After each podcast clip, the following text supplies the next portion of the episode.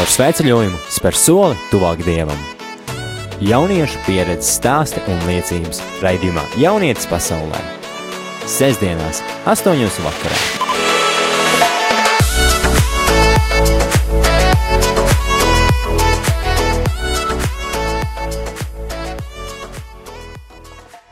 Dārgie radījumi arī klausītāji!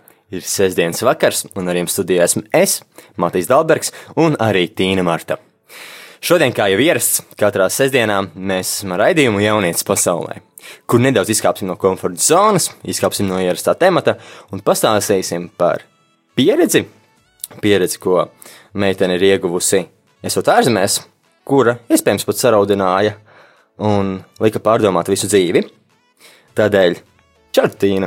Sveiki! Pastāsti sākumā par sevi, kas tu esi, no kurienes tu esi un kā tu šeit gadies. Tātad, mani sauc Tīna, un šobrīd es Latvijā mētājos pa divām vietām. Es dzīvoju Tukuma novadā un Vecpiebalgā. Ir diezgan grūti to visu apvienot, jo es pati mācos Jaunpilī, hmm.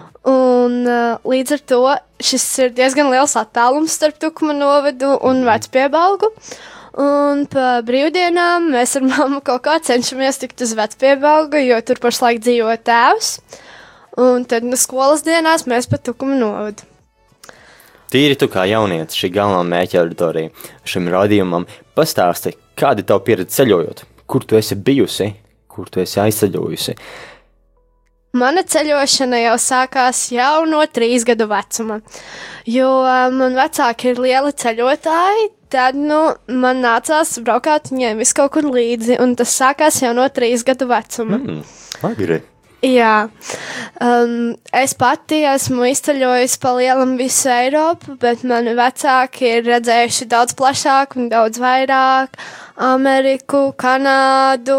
Es pati tālāk par Eiropu esmu bijis tikai Āzijā, uz Krieviju, mm. bet man vēl ir visas iespējas. Uh, Un viens no pēdējiem ceļojumiem, kur es biju, ir nepilnas divas nedēļas atpakaļ uz mm. Vāciju ar skolas projektu uz uh, Lutāņu skolu.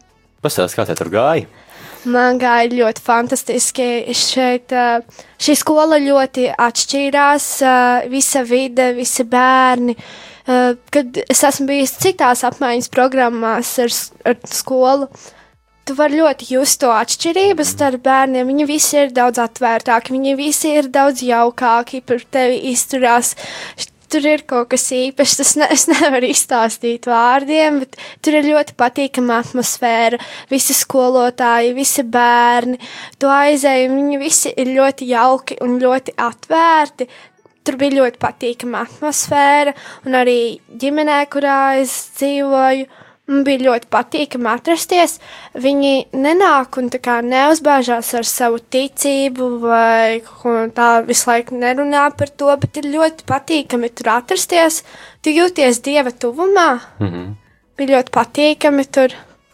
Kā tev ikdienā ietekmē sabiedrību, kurā tu esi? Jo nereti vien jauniešiem, un arī daudziem radiokamā klausītājiem, es ticu, ir tā, ka apkārtējā sabiedrība ir nekristīga. Un tu esi iemesis kā vienīgais kristietis iekšā, un tu nesaproti, kā tur spirināties, kā tur dzīvot tālāk. Kāda kā tev ir pieredze ar šo? Jā, kaut vai es salīdzinu manu skolu. Mūsu jauniešu dzīve ir vairāk uh, laicīgā dzīve. Mm -hmm. Un kaut vai es pati esmu vienīgā no klases kristieta, tāpēc ir diezgan grūti, jo man personīgi klasē liekas, neviens to neatzīst un nesap, nesaprot, bet tas, tas nav šķērslis. Uh, ir galvenais ir tava ticība un tavs spēks, kas virza tevi uz priekšu, jo tu zini, ka tu neesi viens nekad. Vienmēr Dievs ir ar tevi, un apkārt ir arī cilvēki, kuri vienmēr tev palīdzēs, un ir draugi, kuriem tu vari uzzvanīt, un Dieva mīlestība vienmēr ir ar tevi. Jā. Tas ir galvenais atcerēties ikdienā, kad varbūt tā ikdiena nav tik viegla un nav tik rožaina. Bet tīri pastāsti, mēs te vēl pirms raidījuma runājām par tavu pieredzi svētceļojumā. Tu stāstīji, ka tu vasarā biji svētceļojumā. Ko tu pieredzēji tur? Tīri esot ārpus Latvijas, esot tomēr kristīgā tādā kopieniņā, braucot tādā autobusā, kur visi tomēr esam līdzīgi domājoši. Un kā tevi tas uzrunāja? Pirmkārt, man ļoti patika šis fakts, ka es biju starp vairākiem kristiešiem, Man personīgi dzīvē nav bijusi tāda pieredze tik ilgtermiņu laiku atrasties starp tik daudz kristiešiem. Tur bija arī ļoti dažādas uh, personības un tautības, bet bija ļoti patīkami atrasties starp šiem cilvēkiem. Mums bija ļoti dažāda un pilnveidīga programma mūsu ceļojumā. Mūsu mērķis uh, nebija tikai Meģigorija ceļojums, mēs apskatījām arī daudzas citas pilsētas.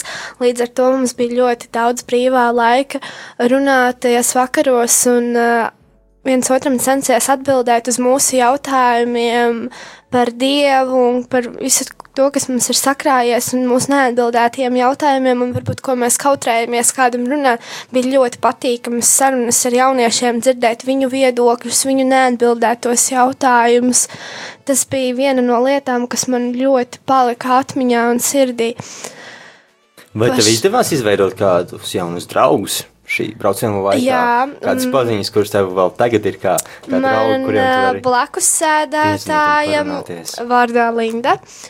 Mēs jau pirmajā dienā iepazināmies. Ceļojuma laikā mēs katru dienu pavadījām kopā. Meģigorija klosterī mēs dzīvojām kopā vienā istabiņā. Centāmies pēc iespējas vairāk laiku pavadīt kopā. Tas nebija uzspiesti, tas bija ļoti brīvi. Mums bija ļoti viegli komunicēt, it kā jau mēs būtu pazīstamas. Mēs esam satikušās jau divas reizes kopš ceļojuma jau vasaras beigām.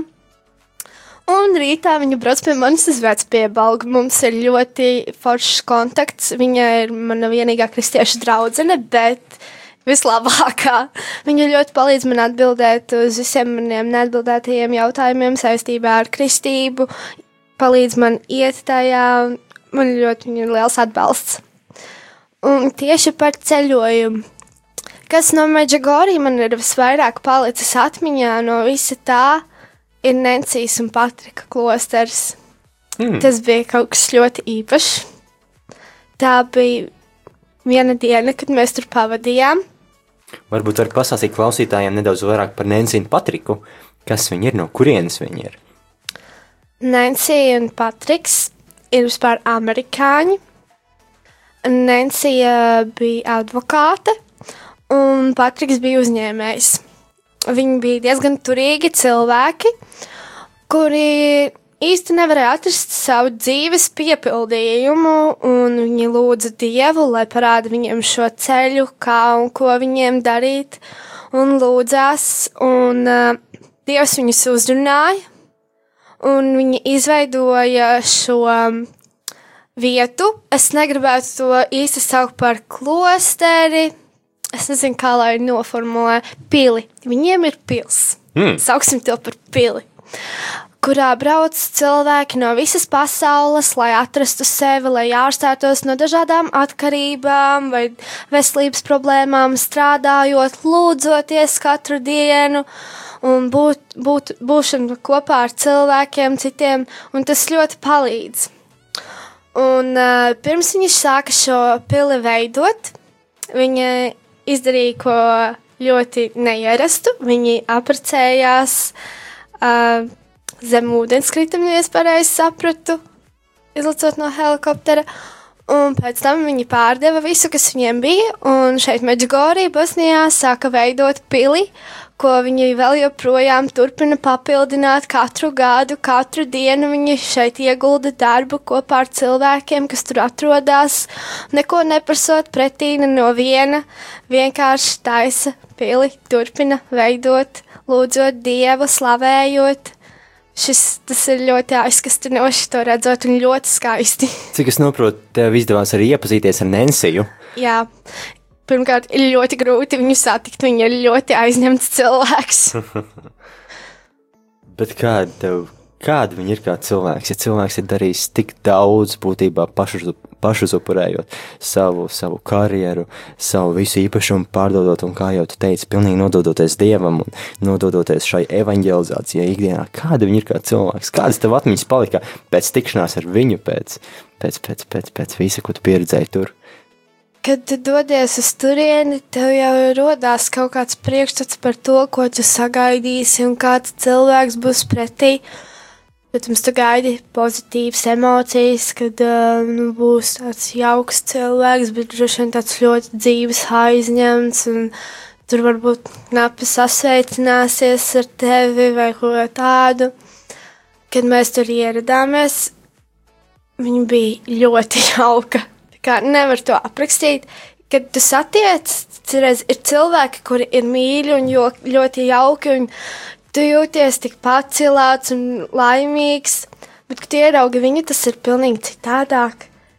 Uh, no viņas staro pilnīgi mīlestība. Viņai nav jāsaka nekas. Viņ, viņai nevajag pateikt nevienu vārdu tu ieskaties viņas acīs, un viņa ir kā eņģelis, no viņas staro mīlestība. Viņa mīl visus, viņa palīdzēs ikvienam, viņa pieņems ikvienu, viņa nešķiros nevienu, viņa dos visu, kas viņai ir, viņa pieņems ikvienu, no viņas staro tādu mīlestību. Viņa mūs uzaicināja uz pusdienām paēst.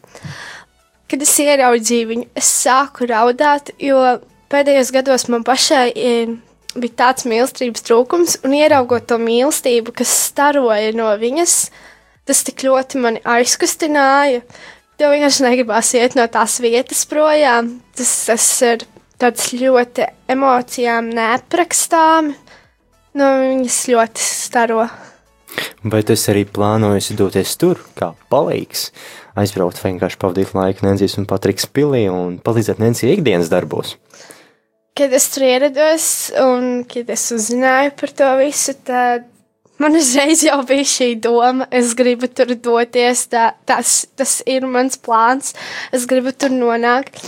Bet pašlaik mana dzīve ir pavirzījusies tā, ka um, man iespējams būs jāatlicina daudz laika studijām, bet kā dzīve rādīs, es ļoti ceru, ka Dievs man aizvedīs uz turieni, jo es ļoti vēlos tur atgriezties tā ļoti uh, es teiktu, mīlestības pilna vieta, kas dziedina gan iekšēji, gan ārēji, ir ļoti patīkami tur atrasties. Tiešām negribas pamest šo vietu, kad tu tur ierodies. Tur ir ļoti skaisti un ļoti patīkami atrasties starp cilvēkiem. Arī apkārtējie cilvēki. Visi ir tik saprotoši un jauki, un viņi neko negaida no tevis pretī. Viņi nešķiro cilvēkus, viņi neskatās, kas tev ir mugurā. Viņi visi ir ļoti jauki un saprotoši un mīļi. Es, es, ne, es nevaru to aprakstīt vārdiem. Tāds kā es atļaušos tā teikt, kāds kā mazais paradīzes nostūris. Man liekas, šī bija man mūža labākā vieta, kur es biju atradusies, kad es tur ierados. Tāpēc tas man liekas, tiešām paliks uz mūža atmiņā. Tas ir jauki, tas patiešām skaisti. Es arī atceros, ka es pirms pāris gadiem esmu tur bijis, un, un tas, kas izstrādā no Nensijas, ir tiešām vārdos neaprakstāms. Tā mīlestība, ko viņa dod vienkārši pat vārdos neizskāmā veidā. Es ticu, ka vienkārši Dievs, Dievs ir, Dievs ir ļāvis būt viņai kā instrumentam viņa rokās un, un, un dod šo mīlestību pasaulē.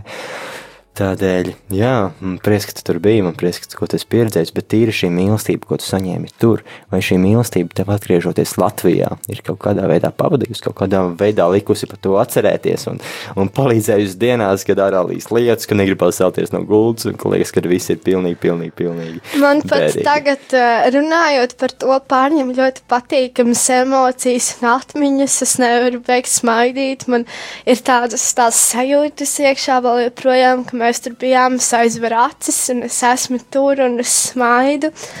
Um, kad mēs runājām ar Nenciju, es viņai sacīju, ka man viņai ir dāvana, un nākamajā dienā es atgriezos ar uh, cimdu pāri, kur es biju pa nakti uzadījusi. Pa nakti? Jā. es ļoti lielu adītāju, tā kā es katram gadījumam biju nodrošinājusies ceļojumā, es biju paņēmusi dzīvu un adatas līdzi, tad nu redz bija izdevība. Un nākamajā vakarā es ierados pie Nensijas, un man ļoti gribējās kaut ko viņai pasniegt, kā pateicību par uh, viņas mīlestību un par, par visu. Un par to viņa man iedeva piekriņu, šeit ir Marija, un tas ir vienmēr ikdienā ar mani, lai atcerētos Nensiju un lai nekad neaizmirstu, un pie manis vienmēr ir viņas mīlestība. viņa tas ikdienā ir, ir ar mani. Tas ir jauki. Labi, dārgie radījumi arī klausītāji, tagad mums būs dziesma, un tiekamies jau pavisam drīz.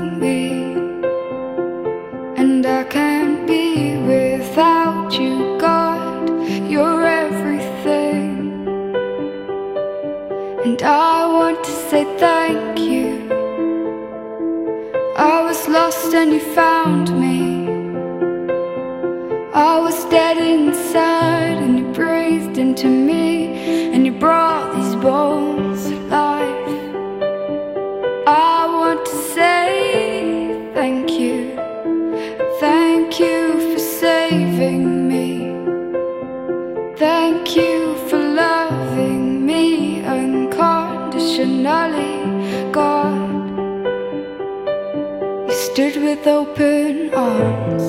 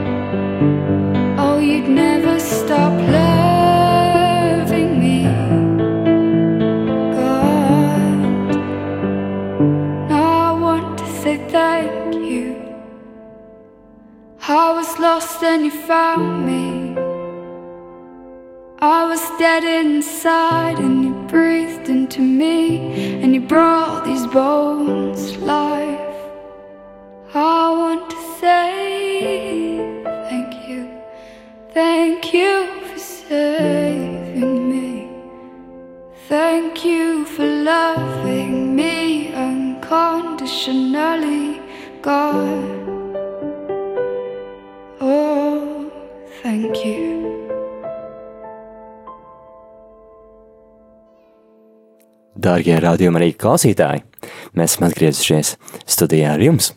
Mēs esam Tīna un Matīs, radījumā jaunies pasaulē. Kā iepriekš Tīna stāstīja par savu pieredzi, esot svētceļojumā, esot Meģigorē, sajūtot šo mīlestību no Nēncijas un Patrika, kur pavada ikdienā. Un tagad es tev vēlos, lai padalies ar savu pieredzi lūkšanu dzīvē. Vai tu esi sadzirdējis no Dieva arī atbildes lūgšanām? Jo neskaitām jaunieši lūdzās, lūdzās, lūdzās, bet to atbildi reizēm vai nu nav laiks sagaidīt, vai nu tā atbilde mums īpaši nepatīk, ko mēs saņemam, bet mēs viņu kaut kādā veidā pazaudējam ikdienā. Vai tu saņēmi tādu atbildi, kura tev liek saprast, jā, šī ir atbilde no Dieva, jā, es sajūtu viņu mīlestību, jā, es viņu sajūtu. Man varbūt nav bijis tieši tāds konkrēts jautājums, varbūt dievam, tādēļ es būšu arī viens no tiem jauniešiem, kurš nav saņēmis atbildi no dieva. Bet man ir vairāk bijusi palīdzības lūkšana no dieva puses, un es atļaušos teikt, ka es gandrīz vienmēr esmu sajūtusi šī dieva atbalstu, tāpēc es varbūt atļaušos pielīdzināt to arī kā atbildēji. Un es vēlētos varbūt vairāk pastāstīt par savu tādu unikālo pieredzi Polijā, kad es lūdzos vienā no klosteriem. Šī bija man vienīgā šāda pieredze. Lūdzoties, es atrados kā pilnīgi citā pasaulē. man nebija sajūtas, ka es atrodos vairs tur, šeit, tagad. Es biju pilnīgi citā pasaulē. Es jutos vēl tuvāk dievam nekā nekad. Man likās, ka es runāju ar viņu seju pret seju. Nebija ne sajūta, ka es viņu redzu vai kā tam līdzīgi, bet bija sajūta, ka viņš ir tieši šeit, man blakus, un es runāju ar viņu, un es jutos tik mīlēta. Es biju pārliecināta, ka viņš mani uzklausa, ka viņš mani dzird. Tā bija tāda unikāla pieredze. Es biju kā lidojumā. Es, es nevaru aprakstīt šīs izjūtas, bet ik, ik viena lūkšana man ir ļoti svarīga, jo Dievs man ir viens no tuvākajiem. Tas nav tikai, ka tu lūdzies, ka tu esi kopā ar Dievu. Dievs vienmēr ir kopā ar tevi, tev blakus, un Viņš vienmēr tevi dzird. Visu, visu ko tu viņam lūgsi, Viņš visu tev dzird, Viņš vienmēr tevi uzklausīs, Viņš vienmēr ir kopā ar tevi, Viņš tev sapratīs. Tev ir jāmāk veidot attiecības ar Dievu. Tas ir tāpat kā ar draugu. Tev ir jāveido attiecības ar Dievu. Tu nevari arī tikai lūgt visu laiku kaut ko Dievam. Tas ir kā ar draugiem. Šīs attiecības, ko veido ar Dievu, ir svarīgas. Jo, nu, Dievs, Dievs, Dievs nav domāts tikai, lai viņu lūgtu, lūgtu, lūgtu, bet reizēm arī vajag pateikt paldies. Un tas ir ļoti jauki. Varbūt var pastāstīt par savu pieredzi. Evangelizējot, stāstāt kādam par Dievu, stāstot par savām attiecībām ar Dievu, ko esi pieredzējusi. Kā tev ir gājis? Evangelizējot kristiešiem, nu, stāstot, un stāstot nekristiešiem, kādas ir šīs atšķirības. Jo reizēm nereti vien, protams, kristiešiem domā, īstengunīgi domā, ka mēs dzīvojam citā pasaulē, mums neatiecas pasaulīgās problēmas, un mēs vispār neesam saistīti ar ikdienas dzīvi. Kāda tev ir bijusi pieredze runājot ar nekristiešiem, sasot par Dievu? Pirmkārt, kad tu evanģelizē un runā ar kristiešiem un ar nekristiešiem, ir ļoti liela atšķirība. Runājot ar kristiešiem, jūs vairāk diskutējat savā starpā un cenšaties atbildēt uz viens otru dažādiem jautājumiem par to, ko jūs varbūt nesaprotat vai neizprotat. Bet, kad tu runā ar nekristieti, tad ir tāds sajūta, ka tu vairāk centies argumentēt, kādēļ tu tici, kādēļ tu esi kristietis, kādēļ tu to dari. Tāda ir bijusi mana pieredze, kad ar nekristiešiem vairāk par to runājot, tev ir jācenšas argumentēt, kādēļ tu to dari, kādēļ ikdienā tev tas ir vajadzīgs, kādēļ tu tici. Tāda ir mana pieredze. Varbūt tīri var pasāstīt rādījumam arī klausītājiem, lielākā daļa, es pieņemu, ka ir kristieši, par, par to, kā ikdienā tev izdodas uzturēt šīs attiecības ar Dievu, šo draudzību. Tu minēji, ka ļoti svarīgi ir uzturēt draudzību ar Dievu, un ka pie draudzības ir jāstrādā. Kā tu šīs attiecības kopi? Kā tu Dievam ne tikai varbūt lūdzu, bet arī pasaki paldies? Kāds ir šis tavs attiecību modelis, šī metode, kas tevi stiprina ikdienā? Nevienmēr ikdienā varbūt ir tāda iespēja palasīt Bībeli, kad tev gribās izlasīt kādu psalmu vai ko spēcinošu, vai vienkārši palasīt Bībeli, kad tu esi sabiedriskajā vai kaut kur atrodies. Tāpēc es uzskatu, ka mūsdienās ir ļoti tāda unikāla iespēja. Ir aplikācija Holy Bible, un šajā aplikācijā ir pieejama visa Bībele. Un turpat ir uh, sadalīts par tādām frakcijām, par piedošanu, par depresiju, par dažādām, dažādām tēmām. Un tu vari atvērt šo tēmu un lasīt psalmus tieši ko, ko tev šajā brīdī ir vajadzīgs. Un tādā veidā tu pat nenesājot Bībeli līdzi, ja tev nav tāda iespēja. Tu vari lasīt Bībeli katru dienu, jebkurā brīdī, kad vien tev iegribas. Un man šis ļoti palīdz, jo es uzskatu, ka tas ir mūsu modernajā laikmetā ļoti forši. un arī lūdzoties, es, uh, kad man ir ļoti pilna sirds un varbūt nav tik daudz laika, es pat atveltu kā, kādas divas minūtes lūkšanām katru, katru dienu, kādā brīdī, kad man ir ļoti pilna sirds un es vēlos lūgties. Tas var būt vienalga, kurā vietā priekš manis tas pat var būt stundu laikā, kad es parunāju ar Dievu, kad es jūtu, ka man ir vajadzīgs vairāk Dieva atbalsts, es nekautrējos, es aizveru acis un es aprunājos ar Dievu. Tas, tas, tā ir mana ikdiena, kā es esmu ar Dievu. Tu zini, daudziem valda tāds stereotips, ka es neesmu pietiekami labs, es neesmu pietiekami, pietiekami zinošs vai pietiekami, pietiekami izdarījis kaut ko labu, jo, jo daudzi ir dzīvē sagrēkojušies un domā, ka viņi ir tik lieli grēsnieki, ka viņi nevar atgriezties baznīcā. Ka viņi, nu, kad viņi ir spēruši tik tālu soli no Dieva, kur apkārt ceļa vairs nav. Ko tu varētu ieteikt šiem jauniešiem? Kā tomēr atgriezties pie Dieva? Kā tomēr patiesībā ir? Es uh, vēlētos pirmkārt teikt to, ka Dievs mīl visus. To vajag atcerēties vienmēr. Dievs mīl visus. Un grēkam nav izmēra, vai grēks ir lielāks, vai grēks ir mazāks. Grēks ir grēks. To nevar izmērīt, cik liels ir grēks. Un Dievs vienmēr, vienmēr mīl visus un ir gatavs paņemt savā azotē katru savu bērnu. Tādēļ vienmēr ir apakaļceļš pie Dieva. Vienmēr tev ir iespēja atgriezties, lūgties, lūgt atdošanu. Ja tu patiesi nožēlo savu darīto, Dievs vienmēr tev pieņems. Viņš neatgrūž nevienu nekad savu bērnu. Tā kā es neuzskatu, ka ir kāds bezcerīgs ceļš atpakaļ pie Dieva, ka tev nav iespēja atgriezties vienmēr ir iespēja, vajag ticēt un no sirds nožēlot, un viss notiks. Jā, tā patiesi ir. To nevar noliegt. Dievs mūs katru mīl un Dievs mūs pavada ikdienā. Bet, nu, tu zini, kad, kā jau mēs iepriekš runājām, reizē mēs lūdzamies, lūdzamies, lūdzamies, un mēs nedzirdam atpakaļ šo atbildi. Mēs domājam, kur Dievs ir, kāpēc viņš neatbild. Kā tev šķiet, nu, Kas šādos brīžos notiek? Kāpēc tā atbilde nav tik skaidra, tik spoža un tik saprotama mums? Un ko tādos brīžos darīt? Jo es ticu, ka kādam no radio klausītājiem arī ir bijusi šāda situācija. Ir jāmāk ko, klausīties. Ko tu dari tādos brīžos? Ir jāmāk klausīties. Tas ir pirmais, ko es vēlos pateikt. Ir jāmāk klausīties. Tas ir, cik es esmu dzirdējis no dažādiem jauniešiem, tas ir ļoti atšķirīgi katram. Uh, Tas citam tas var būt kā zibens spēriens, skaidra balss, citam tas var būt tiešām galvā tā kā paša doma. Ir jāmāk klausīties un analizēt un runāt ar Dievu.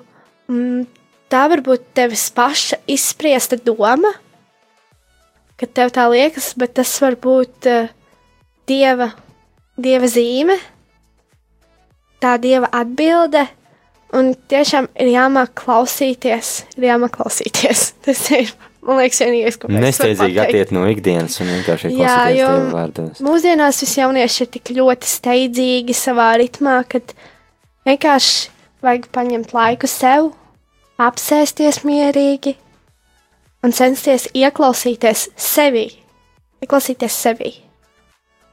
Labi, darbie arī klausītāji, tagad mums būs vēl viena dziesma, un tad vēl ar dažiem jautājumiem atgriezīsimies pie jums.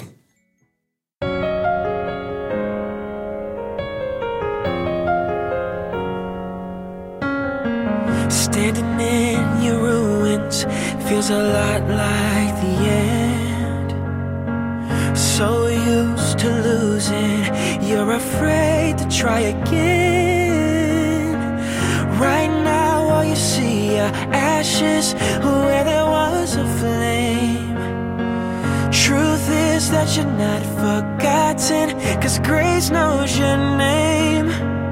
God's not done with you, even with your broken heart and your wounds and your scars. God's not done with you, even when you're lost and it's hard and you're falling apart. God's not done with you, it's not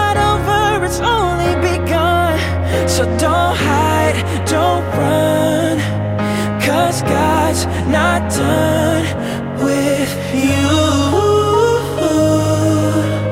You. There's a light you don't notice until you're standing in the dark.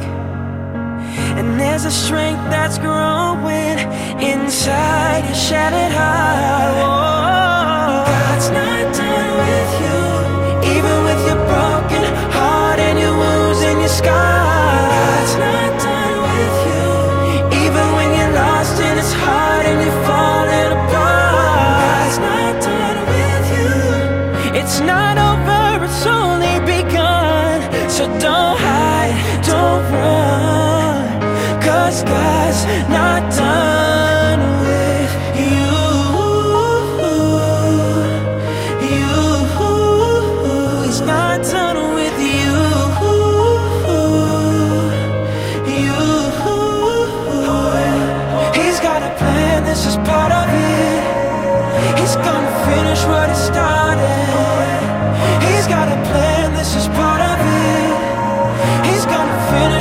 Started. He's not done. God's not done writing your story.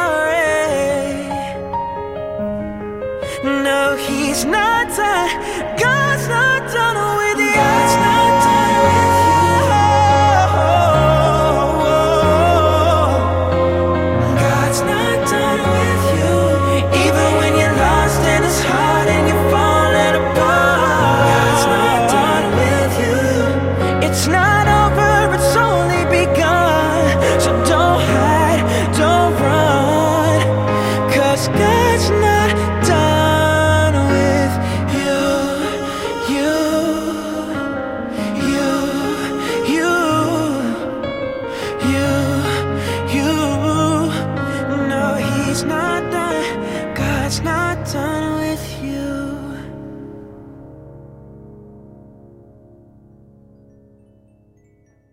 Dārgie radījumi arī klausītāji, arī šī dziesma ir izskanējusi. Un tagad es vēlētos parunāt par taviem ceļojumiem, par stāstīt, kas bijis par Eiropu ceļojusi. Kāda tev ir pieredze, esot baznīcās, ārzemēs, redzot jauniešus, redzot kristiešus? Kas tev ir iespējas atmiņā vēl līdz šai dienai? Mm, Man visvairāk ir iespējas atmiņā cilvēki.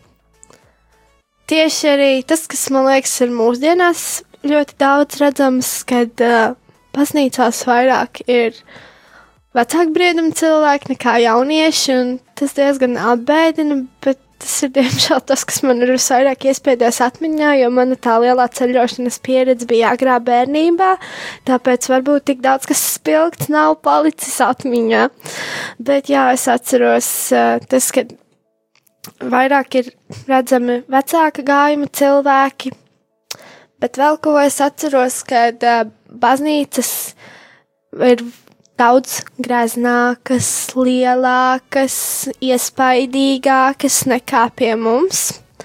Bet, protams, ka tas nav galvenais. Tas, tas nav svarīgākais, lūdzoties un esot kopā ar Dievu, bet tie ir manis iespaidi. Esot ārzemēs, baznīcās, redzot citus dievnamus, ar manu pieredzi. Tu zini, daudz jaunieši ir pārvākušies uz dzīvi ārzemēs, ir pārvākušies vai nu darba meklējumos, vai nu vienkārši, eh, vienkārši, vienkārši labākas dzīves meklējumos. Ko tu varētu ieteikt viņiem, tīri saglabā, saglabājot savu pašu kodolu, saglabājot savu kristietības kodolu un esot ikdienā tālu prom no mājām, bet tomēr esot kristietim? Ko tu varētu ieteikt, kā saglabāt sevi pašu, esot tik tālu prom no mājām? Arī man draugu lokā ir pieredze, kur jaunieši kristieši ir devušies darba meklējumos un ār, uz ārzemēm un ir zaudējuši šo savu saikni ar Dievu. Un ir ļoti skumīgi to redzēt, jo aiziet uz citu vidi un atejot no savas ikdienas, tas viss pazūd. Tas ir bijis kā Tev liekas, ka tas ir bijis kā viņa pienākums, kurš vienkārši ir izzudis, un ir ļoti skumīgi to redzēt. Bet, ja tev tas ir ļoti saistoši un ļoti tuvu, tad es domāju, ka tas patiešām nekur neizudīs.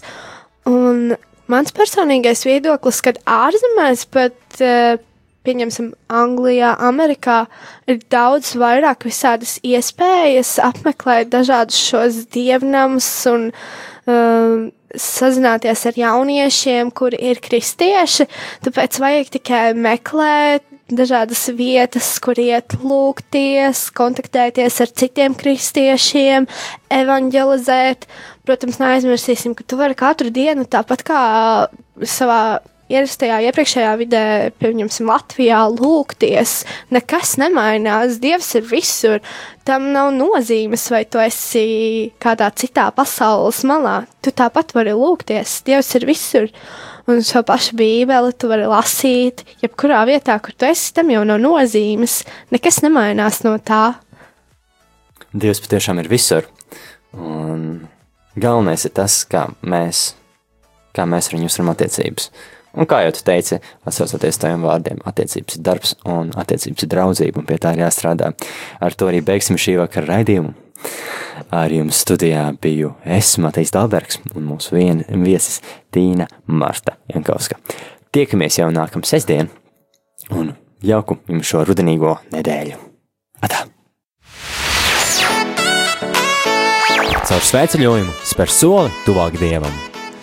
Jauniešu pieredzes stāsti un liecības raidījumā Jaunietis pasaulē. Sestdienās, 8.00 vakarā.